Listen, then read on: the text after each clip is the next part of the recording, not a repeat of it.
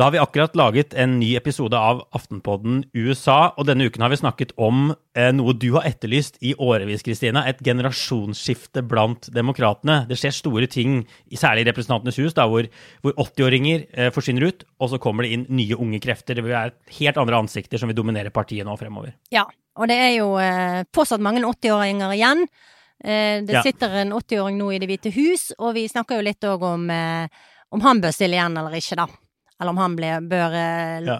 om han bør gi plass til de som er yngre. Og hvem de eventuelt yngre er. Og det er jo sånn, når vi går Ja. gjennom den listen, så blir det jo klart at kanskje Biden bør stille igjen. Nei, vi får se. Vi kommer ikke til noen klar konklusjon, men episoden ligger i hvert fall ute nå. Du kan høre den i Aftenposten-appen og i Podme.